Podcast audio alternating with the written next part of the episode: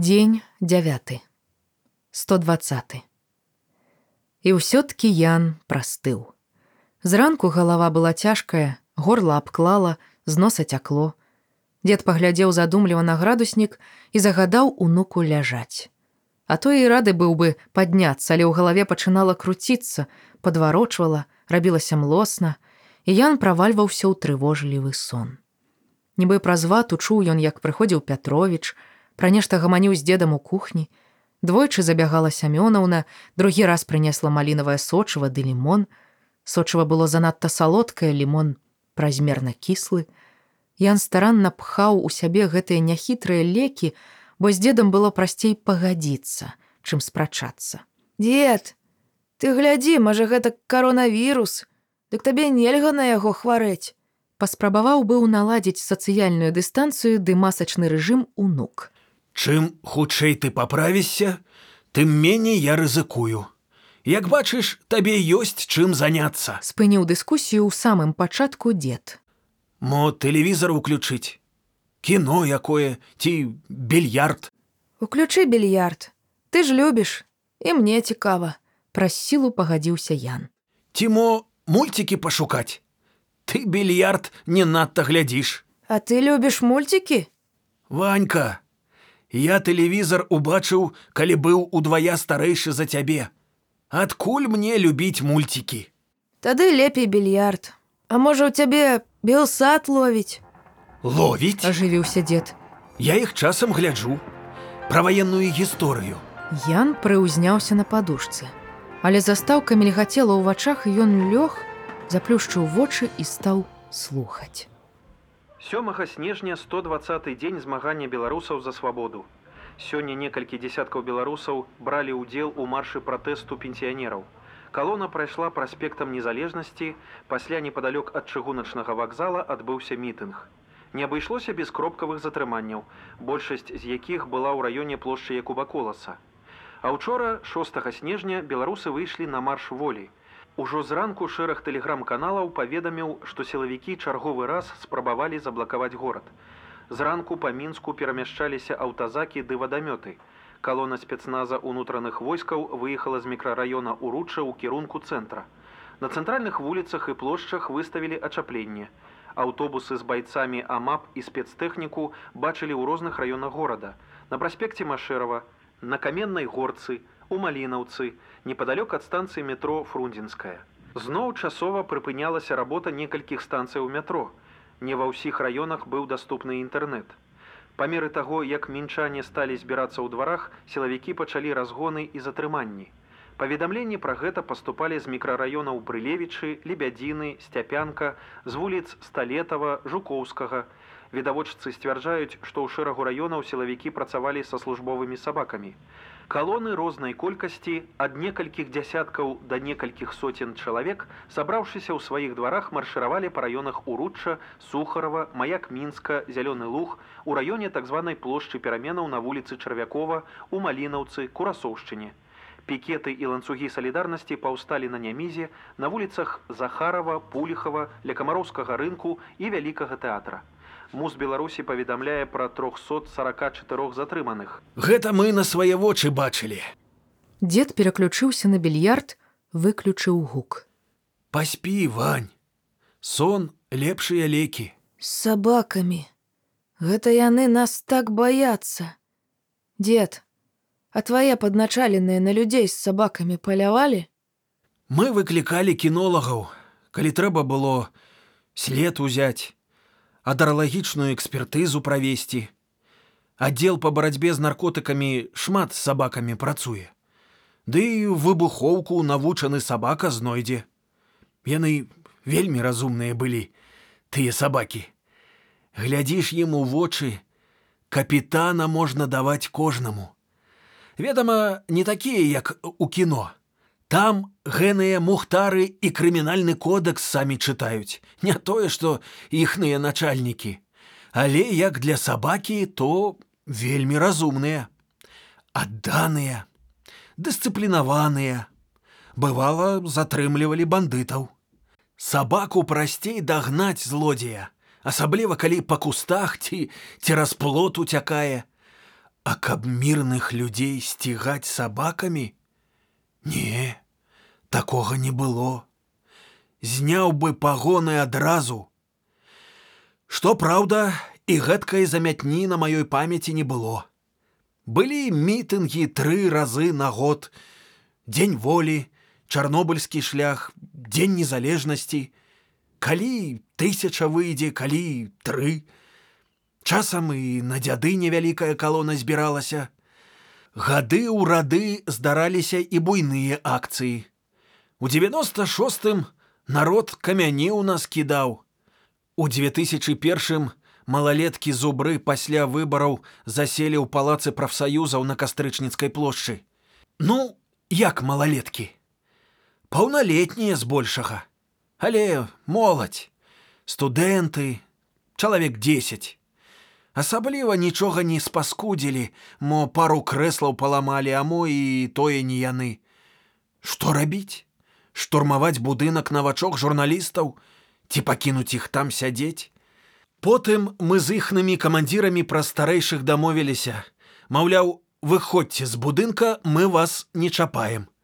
Дык яны падшыванцы сцяг свой зуброўскі паднялі і парадным маршам выйшлі. І вы іх Ян не дагаварыў. А як жа?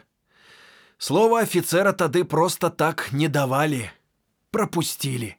Дык вы іх не затрымалі? Кажу ж, прапусцілі. А ты што падумаў?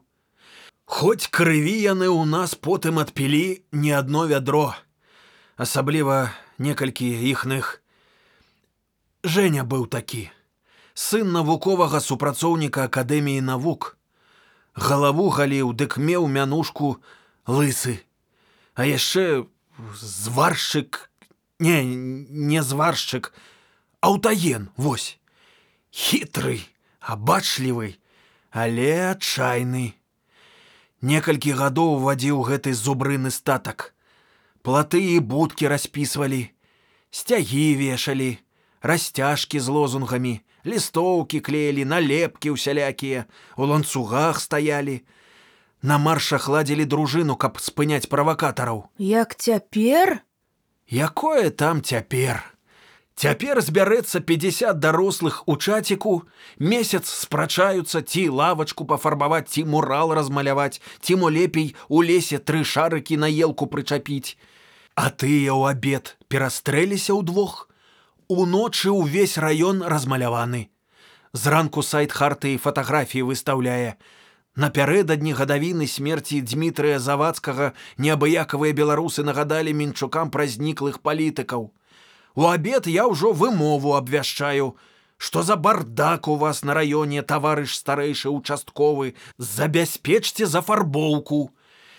І па ўсім горадзе так, то ў адным месцы, то ў другім. Але ж вы іх лавілі? Ды яны за крэсціна не вылазілі. Мы іх найчасцей за парушэнне грамадскага парадку закрывалі. Гэта значыць за лаянку, за брыдкаслоўе.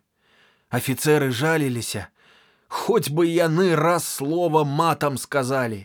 Мы іх за мацюкі садзім, а ў іх у кожнага запас літаратурных слоў большы за ўсіх нашых падначаленых у суме. Аднойчы адзін з іх назваў лейтенанта крывасмокам. Крывасмокам? Але ты кажа крывасмок. Што тут пачалося? Той заяву накатаў, Маўляў, абразілі пры выкананні службовых абавязкаў. У суд пайду. Ягоны начальнік да мяне прыходзіць, кажа: « Ратуй, Іван Іванович, ад гэтага дэбіла. Калі ён не супакоіцца на ўвесь інтэрнэт нас паласкаць будуць, што з ім рабіць? Я яму параіў выклікаць крыўдлівага, Маўляў, даклалі мне, што вы ў нас вельмі руплівы ды ініцыятыўны супрацоўнік. Дык вось прапаную вам выбраць.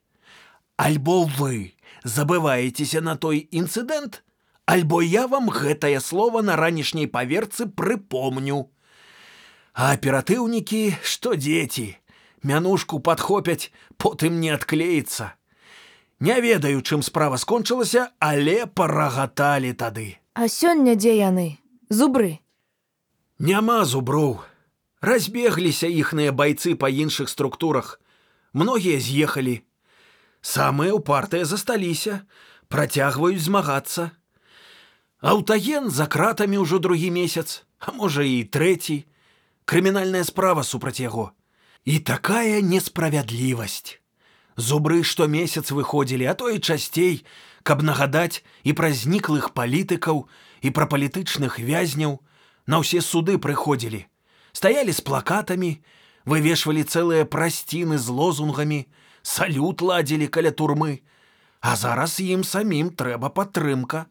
І што? Нехта стаіць з плакатам свабоду аўтагену? Не, не бачыў. За якую мадэль ці за спартсмена і выйдуць, і ролик здымуць і петыцыю складуць. А тыя, хто сваімі рукамі 20 гадоў рыхтаваў рэвалюцыю, іх нібыта і няма. Вось чаму новыя прайграюць. Таму што лічаць сябе першымі, Таму што няўдзячныя, Таму што тыя ведаюць, як і што, а гэтыя і не маюць ад каго вучыцца і не хочуць. А рэвалюцыю не зробіш кветкамі ды шарыкамі. Такі разумны наш палкоўнік занадта добра зуброў тых душыў. Каб так не стараўся, цяпер была б рэвалюцыя з рагамі ды капытамі, а не з балённікамі ды стужачкамі. буркнуў тадэвуш. Пэўна, і цяпер не шкадуе, што тады шчыраваў. А ўсё-ткі за што табе медаль далі? Хочаш ведаць? Ну слухай. Служыў я ва ўнутраных войсках, быў ужо старэйшым лейтэнантам, ротай камандаваў. У калоніі пачаўся бунт, і нас сярод іншых выклікалі супакойваць. Зэкі адчайныя. Многім губляць няма чаго. Ахова не дала рады. Прыехалі, а там ужо пажарная машына, збіраюцца вадой паліваць. Наварылі краты на вокны, каб зэкі не дабраліся. А каму ехаць? Пажарныя не хочуць.